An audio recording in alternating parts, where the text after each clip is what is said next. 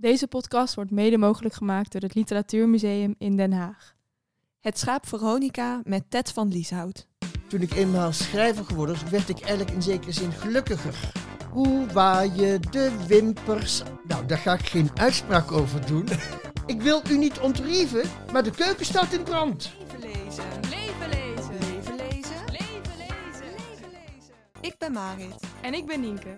We houden erg van lezen en we zijn ook erg benieuwd wat anderen lezen. Daarom gaan wij iedere aflevering in gesprek met iemand over diens favoriete boek. Kunnen we door middel van de literatuur het leven van onze gast leren kennen? Kunnen we na het lezen van de boeken ook de gasten lezen? Nienke, ik heb een vraag. Wat lezen we vandaag? Dat moet je vragen aan onze gast. Wat koos die uit de boekenkast? Jean-Paul Sartre of Saskia Noord? Of hebben we er nog nooit van gehoord?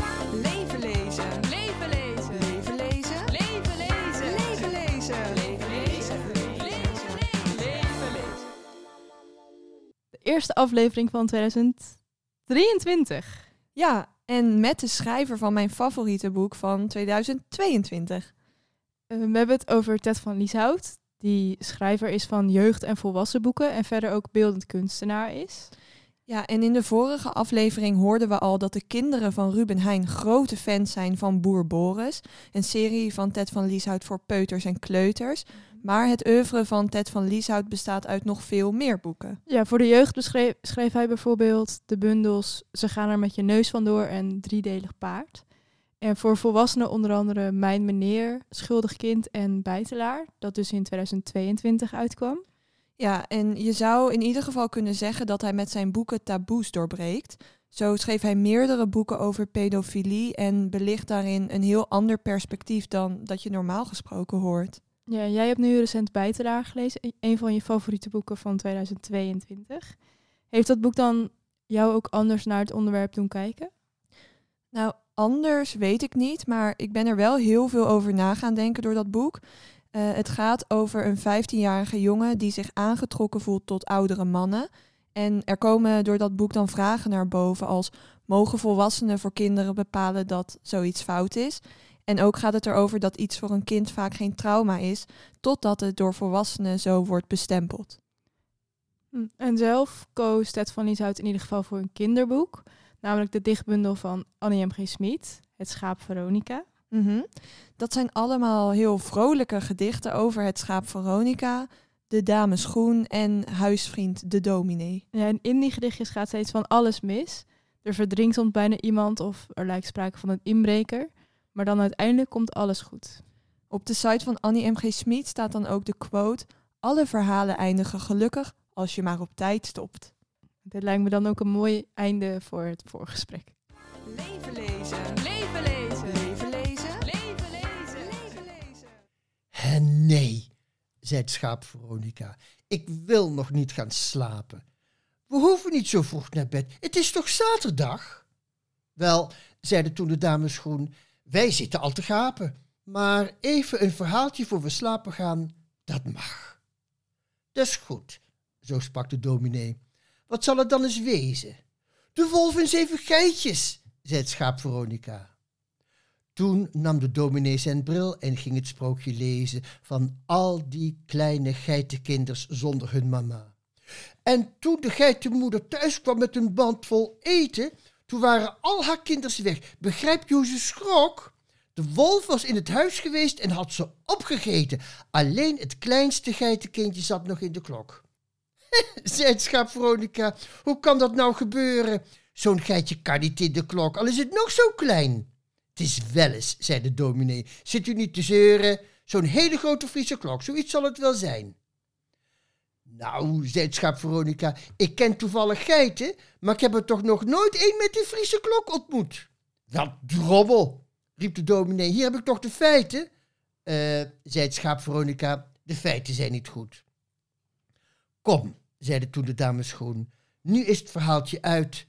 En wel bedankt, was prachtig mooi. Wie wil er een beschuit? Leven. Leven Je hoorde een van de vele leuke gedichten uit Het Schaap Veronica. Heel mooi voorgelezen door Ted van Lieshout. Ehm, maar voor we daarover gaan praten en vragen gaan stellen over dit boek, hebben we eerst nog een vraag van de vorige gast, namelijk van muzikant Ruben Heijn. En hij vertelde ons dat zijn drie jonge kinderen allemaal dol zijn op boer Boris. En daarom vroeg hij zich af eh, welke plaats boer Boris in jouw leven inneemt en of eh, het personage misschien ook gebaseerd is op iemand die je zelf kent. Boer Boris, bedankt trouwens voor de vraag, hij is heel leuk. Uh, Boer Boris is heel erg belangrijk in mijn leven geworden. We zijn nu bezig met deel 17 van de serie.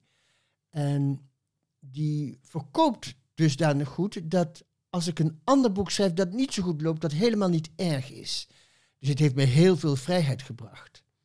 Uh, en dat is een van de redenen waarom ik heel erg blij ben met Boer Bovendien is het toch wel heel erg fijn om boeken te schrijven waarvan je al weet hoe het personage dat de hoofdrol speelt in elkaar zit. Dus ja, het, het, voor mij is het een luxe en een groot plezier om dat te mogen schrijven. En denk je dan niet na 16 delen van het is wel klaar met Boer Helemaal niet. We zijn nou, uh, hebben nu net deel 17 klaar. Dat wil zeggen, het verhaal is klaar, de tekeningen zijn klaar en dan moet ik het boek in elkaar gaan zetten. Uh, het verhaal voor deel 18 is eigenlijk ook al min of meer klaar. En daar gaat Philip, de tekenaar, in het voorjaar aan beginnen. Um, en dat is ook een van de aardige dingen, normaal gesproken. Als ik een boek maak, dan doe ik dat in mijn eentje. Maar nu doen we dat samen. En samen een boek maken, dat uh, is minstens net zo bijzonder als helemaal in je eentje. Alleen nu deel je het en nu kun je elkaars werk ook zien en bewonderen. En wij zijn natuurlijk zodanig op elkaar ingespeeld dat we ongeveer, ongeveer wel weten wat we kunnen verwachten. In ieder geval wat we hebben aan elkaar. Dus het is, het is eigenlijk een feest. Boer Boris um, is in eerste instantie bedacht door Philip. Hij heeft een zoontje en toen die vier of vijf was, liep hij rond in een overalletje en rode laarsjes had hij aan. En hij zei, ik wil boer worden. En dat jongetje heet Boris. Dus toen dacht Philip, goh, boer Boris, dat klinkt wel mooi. Dat zou best iets zijn voor een boek. Hij had echter geen idee hoe hij dat aan moest pakken en had het erover tegen mij. En toen uh, ben ik gaan denken van, wat zou ik daarmee kunnen doen? En toen bedacht ik een jongetje, en dat was niet gebaseerd op het zoontje van, uh, van Philip, maar eigenlijk een beetje op de schrijver Gerbrand Bakker. Dat is een Noord-Hollandse schrijver, een beetje stug. En ik dacht, het moet een beetje een stug jongetje zijn, zo zonder nonsens, no nonsense. En dat is hij ook geworden. En omdat de echte Boris, uh, een broertje en een zusje heet, die Berend en Sam heten, heb ik daar ook een rol voor bedacht in de verhalenreeks. Nou, zo is het gekomen. En um, het bijzonder was ook wel dat um, Philip dacht dat het bij één boek zou blijven, maar ik had eigenlijk meteen wel in de gaten dat er iets in zat voor een reeks. Want toen wij het boek gingen aanbieden bij de, uit, bij de uitgeverij, had ik stiekem al een tweede deel geschreven. Ah. En Bijtelaar, daar heb je de, het omslag zelf van gemaakt. En van Boer Boris is Philip Hopman, Juist. de tekenaar. Is het, um, voor, dus voor sommige dingen maak je zelf de tekeningen en voor andere dingen niet. Is dat nog een moeilijke keuze om te denken, ik wil hier zelf voor tekenen of ik schakel nu iemand anders in en hoe kies je dan zo iemand? Nee, dat is een vrij makkelijke keuze. Ik ben eigenlijk illustrator van beroep, dat ben ik, zo ben ik begonnen, maar ik vond het helemaal geen leuk vak. En uh, ik heb me eigenlijk meer ontwikkeld in de richting van een soort vrij kunstenaar, vrij beeldend kunstenaar. En niet meer zoals, zozeer als illustrator. Dus ik, de boeken die ik illustreer zijn ook niet echt geïllustreerd, maar als het ware vormgegeven op een bepaalde manier. Bij uh, Boer Boris, nou kwam het idee natuurlijk in sowieso van, van Philip af. Maar ik had al eerder een boek gemaakt met Philip Hopman. En het voordeel van Philip is dat hij alles kan tekenen. Als hij niet weet hoe je het uh, moet tekenen, dan zoekt hij uit hoe het moet. En dat geeft mij een enorme vrijheid die ik niet zou hebben als ik mijn eigen boeken zou illustreren. Want ik kan bijvoorbeeld geen auto's uh, tekenen. Dus dan kan ik ook geen verhaal verzinnen over een auto. Want ja, als ik die niet kan tekenen, ja, dan moet ik er niet over schrijven. En Philip geeft mij als het ware de vrijheid om alles wat ik wil te verzinnen en te bedenken en op te schrijven. Dus als ik zeg, nou, er moet een helikopter komen van een, een, een tram, hè, een tram die een helikopter wordt, dan gaat hij dat tekenen. Ik kan het zomaar verzinnen, hoe, hoe gek ook, ik verzin het. En hij zoekt wel uit hoe hij het, het gaat tekenen. Die vrijheid die, die is heel erg feestelijk. Zo zou ik het eigenlijk wel willen, willen omschrijven, ja. Een fijne samenwerking dus. Ja, we zijn ook persoonlijk bevriend, dus dat, eh, dat gaat goed. We hebben wel eens ruzie, maar dan gaat het eigenlijk altijd over het werk. Dan zijn we het niet met elkaar eens over hoe we met een boek iets moeten doen. En dan kunnen we flinke ruzie hebben, maar dan leggen we het altijd wel weer bij. En wie wint er dan meestal in de ruzie? Ik geef hem dan maar meestal gelijk, want hij is bozer dan ik. Oké. En Annie M.G. Smit heeft ook heel veel bekende boeken geschreven. Zeker. En waarom heb je dan voor het schaap Veronica gekozen? Nou, e- even nog één ding. Wat wel leuk is, is dat Philip Hopman, hè, dat is dus de illustrator van de Boer Boersboeken, die heeft ook een aantal boeken van eh, Annie M.G. Schmid geïllustreerd, waaronder bijvoorbeeld Wiplala. Oh. En nou ben ik wel even jouw vraag, of waarom ik dit boek had, had gekozen? Eh, toen ik een jaar of 28 was en aan het struggelen was, vooral als illustrator op dat moment, en graag schrijven wilde worden, maar ik, ik zat niet lekker in mijn vel.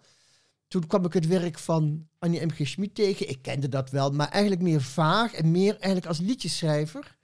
Ehm, en toen kwam ik onder meer dus het Veronica tegen. Ja, eigenlijk moet het zo. Het, maak nou een beetje plezier in het leven. En ook een plezier in wat je schrijft. Dan eh, wordt het allemaal wat minder zwaar in jouw leven. Dat is wat ik toen dacht. En dat, dat was ook zo. De verhalen die ik schreef waren loodzwaar. Eh, eigenlijk niet voor kinderen. En als ze wel voor kinderen waren, waren ze eigenlijk ook nogal heavy. En eh, de aardige van het werk van Annie M. En dan met name deze gedichten over het schap Veronica, is dat er kan nog zoveel ergs gebeuren, maar we moeten relativeren. Dus voordat we de problemen gaan aanpakken, pakken, nemen we eerst een kopje thee met een koekje. En die relativering, die sprak mij heel erg aan en dat is altijd zo gebleven. Ik zal eigenlijk nooit een boek maken dat humoristisch is zonder een iets wat droevige ondertoon. Of ik zal ook nooit een ernstig thema aanpakken zonder daar een beetje humor in te stoppen. Dus Annie M.G. Smit is wel een voorbeeld voor je. Absoluut. En is het dan ook een bundel die je weer vaker op hebt gepakt tijdens je leven, nadat je die de eerste keer hebt ontdekt? In uh, de eerste jaren zeker. Elke keer als ik een beetje depressie had en dacht, nou, ik heb iets nodig om er even uit te tillen, dan begon ik weer het schaap Veronica te lezen. Maar toen ik eenmaal schrijver geworden was, werd ik eigenlijk in zekere zin gelukkiger. Ik had echt een doel in mijn leven gevonden. Ik had ook eindelijk het gevoel dat ik ergens bij hoorde, namelijk bij schrijvers. Daarvoor had ik dat gevoel eigenlijk nooit gehad, dat ik ergens bij hoorde. Uh, dus toen werden die, de die depressies ook veel minder en had ik het boek ook eigenlijk niet meer zo nodig. Dus ik heb, het, ik heb het nu al jaren niet meer gelezen. Dus eigenlijk is het dan ook een goed teken als je hem niet leest. Zeker. Want dan gaat het goed met je. Zeker, in mijn geval absoluut. Ja. En is Annie M.G. Smit volgens jou een onovertroffen schrijver? Zijn er op dit moment kinderboekenschrijvers in Nederland die even goed zijn als zij? Nou, daar ga ik geen uitspraak over doen. Want zodra ik één collega noem, noem ik een andere naam Hmm. niet. En dat zou dan heel onterecht zijn. Ehm, Annie M.G. Schmid is onovertroffen in een bepaald opzicht. En dat vind, vind ik dan, hè. Mhm. In haar eh, gedichten, in de teksten die rijmen, in de korte teksten. Maar als je bijvoorbeeld kijkt naar de verhalen die ze geschreven heeft, dan zijn die wel sprankelend, maar niet zo heel erg goed geschreven. En dat heeft ook wel tot op zekere hoogte een oorzaak. Tegenwoordig ehm, worden er op elk boek, voor wie het ook is, eh, redacteurs opgezet. Dus als een schrijver een verhaal maakt, dan is er een redacteur die werkt bij de uitgeverij, of die werkt in dienst van de uitgeverij.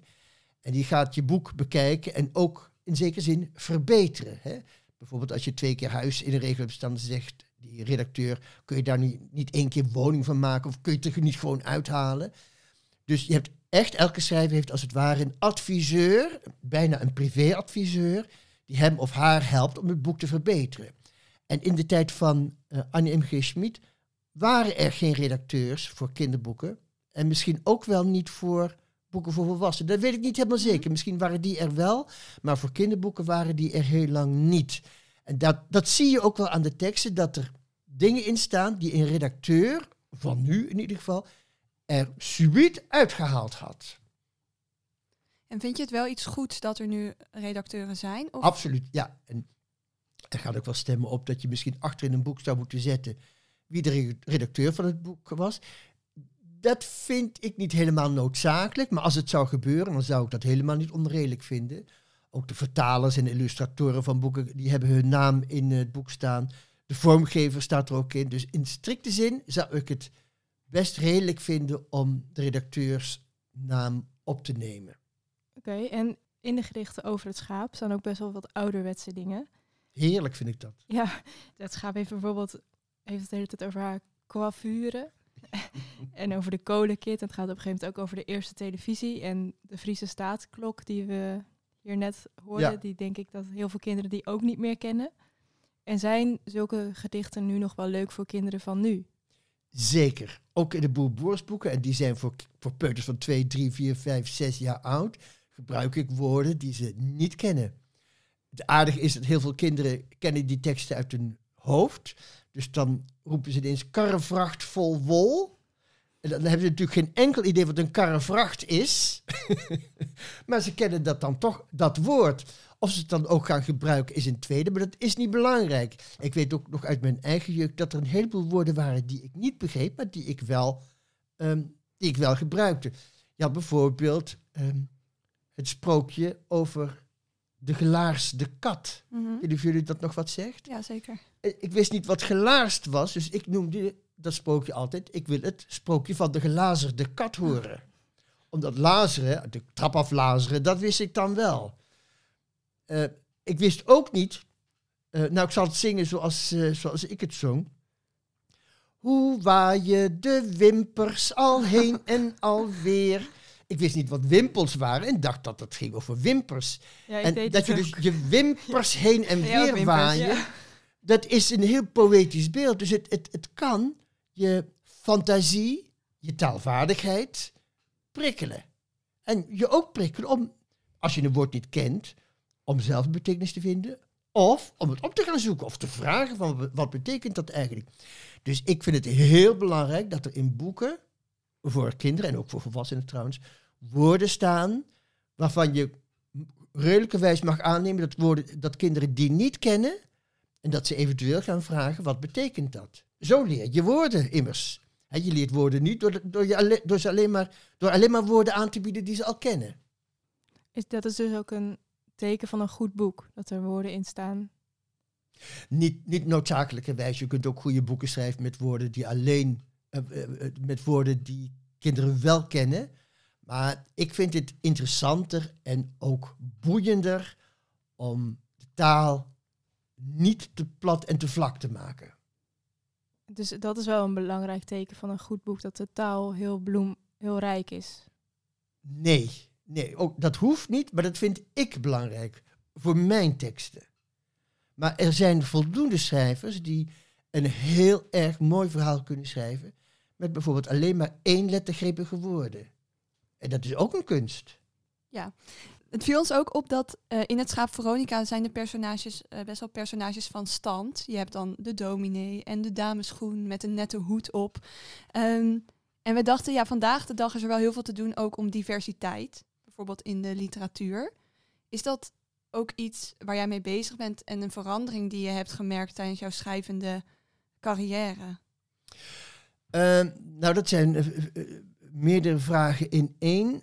Eh, laat ik met ehm, één ding beginnen. Dan moet je dadelijk de vraag nog maar een keer stellen, want dan zal ik het wel weer kwijt zijn. Ik vind eigenlijk het schap Veronica heel divers. Er wonen twee dames samen. Mhm. Dat zijn weliswaar deftige dames uit de vijftiger jaren. Maar het zijn wel twee vrouwen die samenwonen. Het kan heel goed zijn dat het, twee, dat het een lesbisch stel is. Ze hebben ook nog een dominee die op bezoek komt. Een heer op bezoek, waarmee ze niet getrouwd zijn. En dan hebben ze ook nog een schaap in huis genomen. Nou, ik vind dat behoorlijk eh, divers. Eh, daarnaast, eh, en dat vind ik ook wel weer aardig, is die dame Groen leefde, zou je kunnen zeggen, in de jaren 50. En in de jaren 50 had men het veel over fatsoen. Hè, dat je je fatsoenlijk moet gedragen. En ook de tijd van nu is er een waarin mensen elkaar als het ware de opdracht geven om fatsoenlijk te zijn. Hè, dat zie je bijvoorbeeld op ehm, Twitter en Facebook. eh, dat men elkaar de les leest over hoe men juist dient te handelen. En dat is eigenlijk een beetje hetzelfde als in de 50 jaren van de vorige eeuw. Je moet je netjes gedragen volgens bepaalde ehm, ongeschreven wetten. Dus ik vind het eigenlijk heel erg divers en heel erg modern. Het feit dat er woorden in gebruikt worden als de serre. Niemand weet meer wat de serre is. Maar voor mij is dat heerlijk. eh, Mhm. Want ik ken natuurlijk nog wel de serre en de vestibule. Dat zijn allemaal woorden toch wel uit mijn jeugd. eh, En daar wou ik toch wel aan vasthouden. Ja, misschien zit de humor van het boek ook wel erin dat ze zich juist niet gedragen als mensen van stand. Dat ze bijvoorbeeld heel erg gaan spelen, wat je niet verwacht van deftige dames bijvoorbeeld. Ja, maar ze zijn niet zo heel erg van stand hoor. Ehm, een serre en een vestibule. eh, nou, die had je niet in een doorzonwoning. Maar ik denk ook wel dat de dames groen zich iets deftiger voordoen Mm. dan ze in werkelijkheid zijn. Ja, want ze hebben ook hoedjes op. Ze hebben hoedjes op, nou, die droeg je ook al bijna niet meer in de 50er en 60er jaren. Ja, ik vind dat heerlijk dat je je, dat je, je ietsje beter voordoet dan je bent, maar toch je, je zwakke plekken wel laat zien in, eh, in diverse verhalen. Ja. Dus je bent zelf eigenlijk ook een beetje een dame groen. Oh, oh, ja, ik ben ze allebei. Het doe ze maar dubbel. ja, en nog even de andere vraag. Of er tijdens jouw schrijfcarrière een verandering volgens jou heeft plaatsgevonden eh, qua diversiteit. Of het nu belangrijker is om een boek divers te maken dan dat misschien twintig jaar geleden was. Ehm, ik vind dat een moeilijke materie, omdat ik eigenlijk altijd in mijn boeken eh, diversiteit heb toegepast. Ehm, maar nu ook wel eens de opmerking krijg dat ik daar meer zou moeten doen. En dan denk ik eigenlijk een beetje van, ja jeetje, als je nou eens eerste boeken leest die ik eerst geschreven had, dan weet je ongeveer hoe ik in elkaar zit en dat ik al heel erg divers ben geweest in mijn hele carrière. Ehm, tegelijkertijd is het ook wel heel erg lastig. Er is bijvoorbeeld nu een discussie dat er meer kinderen van kleur, meer kinderen van een ander geloof in eh, verhalen zouden moeten. Met kinderen van kleur, dat heb ik eigenlijk altijd wel gedaan. In die zin dat ik die kleur nooit benoemd heb. Ik heb nooit gezegd, nou, dit kind is, is zwart. Of dit kind is wit. Dus in, in mijn ogen zijn het altijd kinderen geweest, nemport welke kleur dan ook. Met geloof heb ik wat meer moeite. Eh, ik verzet mij in zekere zin wel in zekere, eh, in zekere mate tegen eh, religie. Ik vind religie heel erg belangrijk voor mensen op persoonlijke basis. Je kunt heel veel hoop eh, ontlenen aan het geloof. Maar op het moment dat je anderen gaat opdragen om zich volgens een bepaald geloof te gedragen, dan heb je mij tegen je. Dus ik zal niet zo gauw over geloof praten. Over kinderen van kleur eh, is het soms heel moeilijk om te schrijven. Eh, omdat ehm, er tegelijkertijd vanuit die gemeenschap zelf wordt gezegd... Ja, maar jij weet niet hoe het is om een kind van kleur te zijn, dus hoe kun je daar nou over schrijven? Dus aan de ene kant krijg je te horen dat je over een kind van kleur moet schrijven. Aan de andere kant krijg je te horen dat je dat niet kunt, omdat je je niet kunt inleven in een kind van kleur. Dat laatste wil ik eh, bestrijden, omdat het mijn vak is om me in te leven in iemand die ik zelf niet ben. Dus het is een beetje een belediging als mensen zeggen dat ik het niet kan. Dat ik het niet mag, is dan weer een andere kwestie. Want dat heb je natuurlijk met ehm, culturele toe-eigening, wat tegenwoordig ook een term is. Eh, daar probeer ik mij wel een beetje tegen te verzetten. Maar daar kan ik nog niet zoveel over zeggen. Ik ben wel bezig met een boek waarin ik dat probeer, maar weet nog- nog niet helemaal Welke precies kant het uitgaat. hoe, welke kant dat uit moet gaan en of ik dat eh, moet laten lezen door iemand uit de gemeenschap bijvoorbeeld, om toch te zorgen dat ik geen fouten maak. Of dat ik gewoon mijn eigen gang moet gaan. Ik heb er wel een beetje moeite mee eh, om dat goed op te pakken. Tegelijkertijd vind ik wel, en daar heb ik me ook wel voor ingezet, is dat als ehm, men vindt dat er meer boeken moeten komen met bijvoorbeeld kinderen van kleur in hoofdrol, dan zullen de ouders en de verzorgers van die kinderen ook zelf moeten zeggen, dan gaan wij ook kinderboeken schrijven. En in plaats van te zeggen, ja, jullie, hè, witte kinderboekenschrijvers, moeten nu boeken gaan schrijven over eh, zwarte kinderen bijvoorbeeld. Maar je mag hier niet erg inleven in zo'n kind. Want dan krijg je dat je alleen maar eh, zo'n zwart kind bijvoorbeeld in een bijrol kunt plaatsen of in, de in het klaslokaal en er niet over kunt hebben. Het laatste woord over deze discussie is nog niet gezegd. eh, gezegd. Ehm, en ik ben er ook nog niet over uitgedacht. Ik sta er wel open voor hoor trouwens. En is het ook anders om dat voor een kinderboek te doen dan voor een volwassen boek? Nou, voor een volwassen boek wordt het niet gevraagd. Bovendien zijn er eh, redelijk wat eh, cijfers van kleur die voor volwassenen werken. Maar relatief weinig voor de jeugd. Misschien heeft het er ook wat mee te maken dat de belangstelling in, in andere culturele sectoren ligt. Leven lezen. Leven lezen. Leven lezen. Leven lezen. Leven lezen. En we hadden het al een beetje over de jaren 50. En in de jaren 50 begonnen andere dichters ook Veronica-versjes te schrijven. Dus in dezelfde versvorm als het schaap Veronica. We vroegen ons af of jij ook wel eens een schaap Veronica hebt geschreven. Zeker, dat heb ik wel gedaan, ja. Maar dat boek heb ik nu niet hier liggen, dus ik kan er niet 1, 2, 3, 1 uit voorlezen. Maar als je dat zou willen, dan zou ik het wel kunnen opzoeken. Nou ja, op zich wel. Nee, volgens mij heb ik een Schaap Veronica geschreven toen Annie M.G. Schmid eh, net overleden was. En als een soort eerbetoon. Ik heb het trouwens in dit boek, dus ik kan dat er eigenlijk meteen wel Oh, bij pakken. ja. Dus waarom eh, zou ik dat niet doen? Leuk. Even kijken, hier is het. Zeg, zei het schaap Veronica, wat krijgen we te eten? Wat puttelt in de pannetjes bij u op het fornuis? Eh, zeiden de dames groen, wij zouden dit niet weten. We eten brood met jam, want verder is er niks in huis. Hoe vreemd, sprak toen de dominee. Wat zijn dan al die luchten? Ik ruik een penetrante geur. Wat is er aan de hand? Toen hij was wezen kijken, riep hij: Kom, we moeten vluchten. Ik wil u niet ontrieven, maar de keuken staat in brand. O hemel, riep Veronica, straks zijn we overleden. Wie heeft er nog een emmertje, een emmertje met sop? Te laat, zo sprak de dominee, ons helpen slechts gebeden. En wij, zeiden de dames groen, bellen de brandweer op. Ze wachten met z'n viertjes en ze tuurden door de ruiten. De dominee die jammerde van, oh wat wordt dit heet. Het gordijn heeft ook al vlam gevat. We moesten maar naar buiten. Nou nee, zeiden de dames groen, het vriest, zoals u weet. Hoera, daar kwam de brandweer gratis eerste hulp verlenen met 700.000 liter water uit een spuit. En na een uurtje was het vuur, maar ook het huis verdwenen. Kop op, zei het schaap, we leven nog en daarom gaan we uit. Ze aten pannenkoeken in een deftig restaurant met suiker, spek en stroop en met de brandweeradjudant. Nou, hij Nou- had zo in het schaap Veronica opgenomen Nou ja, zijn. alles wat ik erover zei, dat zit ook in deze Ja, versie. jou ontrieven. Precies, Moeilijk woord. een moeilijk woord, een beetje deftig doen. eh, relativeren van het huis staat wel in brand, maar we gaan toch eventjes eh, een kopje thee drinken. Een paar jaar geleden heb je deze geschreven. Ik geloof dat ze begin jaren 90 is overleden. En dit boek, eh, eh, in dit boek is ook volgens mij eh, in 1992 of 93. ehm, of misschien was ze toen nog wel niet dood. Ik weet het niet meer helemaal zeker. Het is iets te lang geleden om dat eh, haar fijn me te herinneren.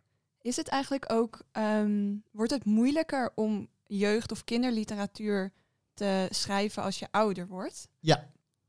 En waarom? Eh, ik heb eh, net dit jaar een roman geschreven, weliswaar voor de volwassenen, over een eh, jongen van 15 van nu. Bijtelaar? Juist, Bijtelaar. En toen werd ik er door de redacteur op gewezen dat het wel een waarachtige jongen was, maar dan wel van 30 jaar geleden. Zijn taalgebruik paste niet bij het taalgebruik van nu. En daar ben ik toen wel van geschrokken. En toen heb ik me ook gerealiseerd, ja, hier zegt hij toch een waar ding.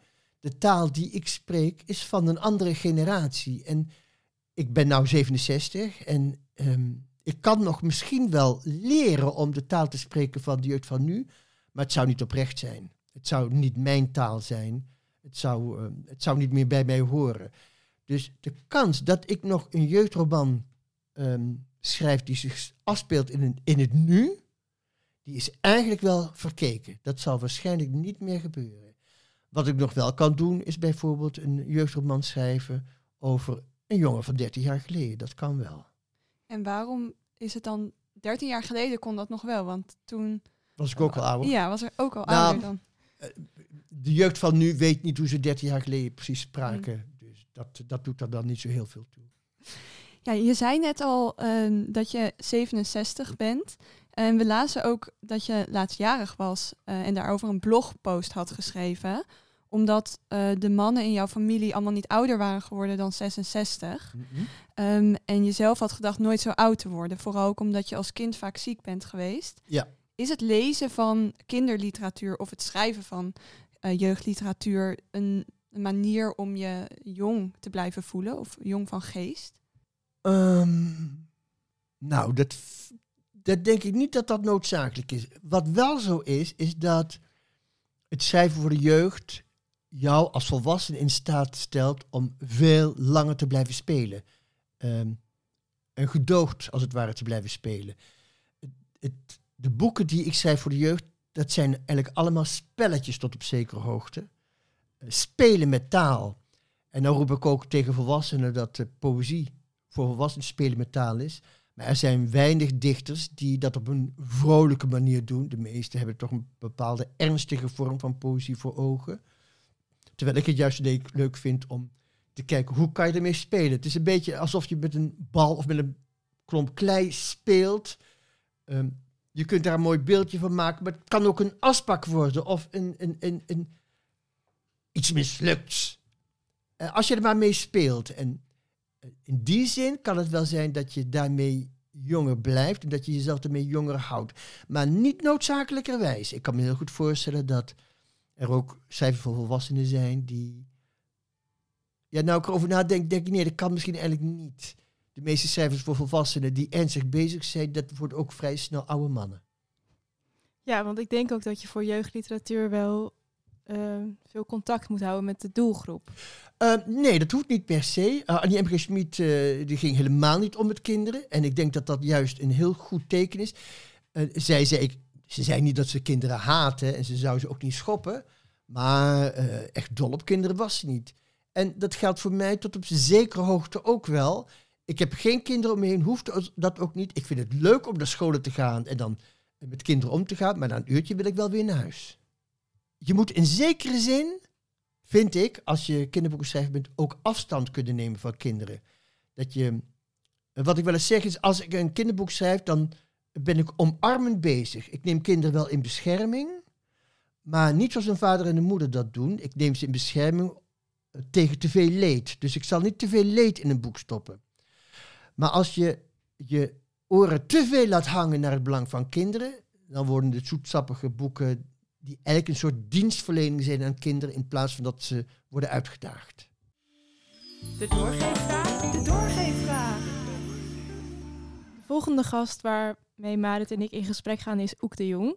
En de schrijver die je misschien kent van de romans Opwaaiende Zomerjurken, Zeker. Hokwerda's Kind of Zwarte Schuur. En onlangs verscheen zijn memoir Man zonder rijbewijs, waarin hij beschrijft hoe hij pas onlangs zijn rijbewijs haalde. En we vroegen ons af of jij een vraag hebt voor De Jong. Uh, misschien is het jullie alles opgevallen, dat is nog niet die vraag, maar het feit dat hij zijn rijbewijs heeft gehaald, dat betekent eigenlijk al een beetje dat hij geen dichter is. Want er zijn in principe geen mannelijke dichters die kunnen rijden, die kunnen autorijden. Er zal er wel eentje zijn, maar dat is dan meestal geen goede dichter. Dat zeg ik met humor erbij, hè? dus met Kun een jij knip ook ook. autorijden? Nee, ik kan niet autorijden. Dat is een goede dichter. ja. Nee, als, als dichters kunnen autorijden, dan zijn het vrouwen. Maar er zijn eigenlijk geen mannen die... Tenminste, dat is een, een, een stelling. Maar goed, dat lost ervan. Dat moet je misschien maar eens een keer uitzoeken of dat werkelijk zo waar Misschien is. moeten we het hem vragen. Ja, nou, dat kan. Maar mijn, mijn vraag aan hem is... eh, die heeft ook wel te maken in zekere zin met mijn eigen ervaringen. Als je als schrijver, zoals ook Oek de Jong, eh, zo nauwkeurig en nauwlettend eh, op de letter bij wijze van spreken af secuur bent in het maken van je boek en er wordt een vertaling van gemaakt, in hoeverre bemoei jij je dan nog met de vertaling? Ga je die vertaling, als je de taal min of meer machtig bent, enigszins, of nou, misschien iets meer, ga je die helemaal uitpluizen?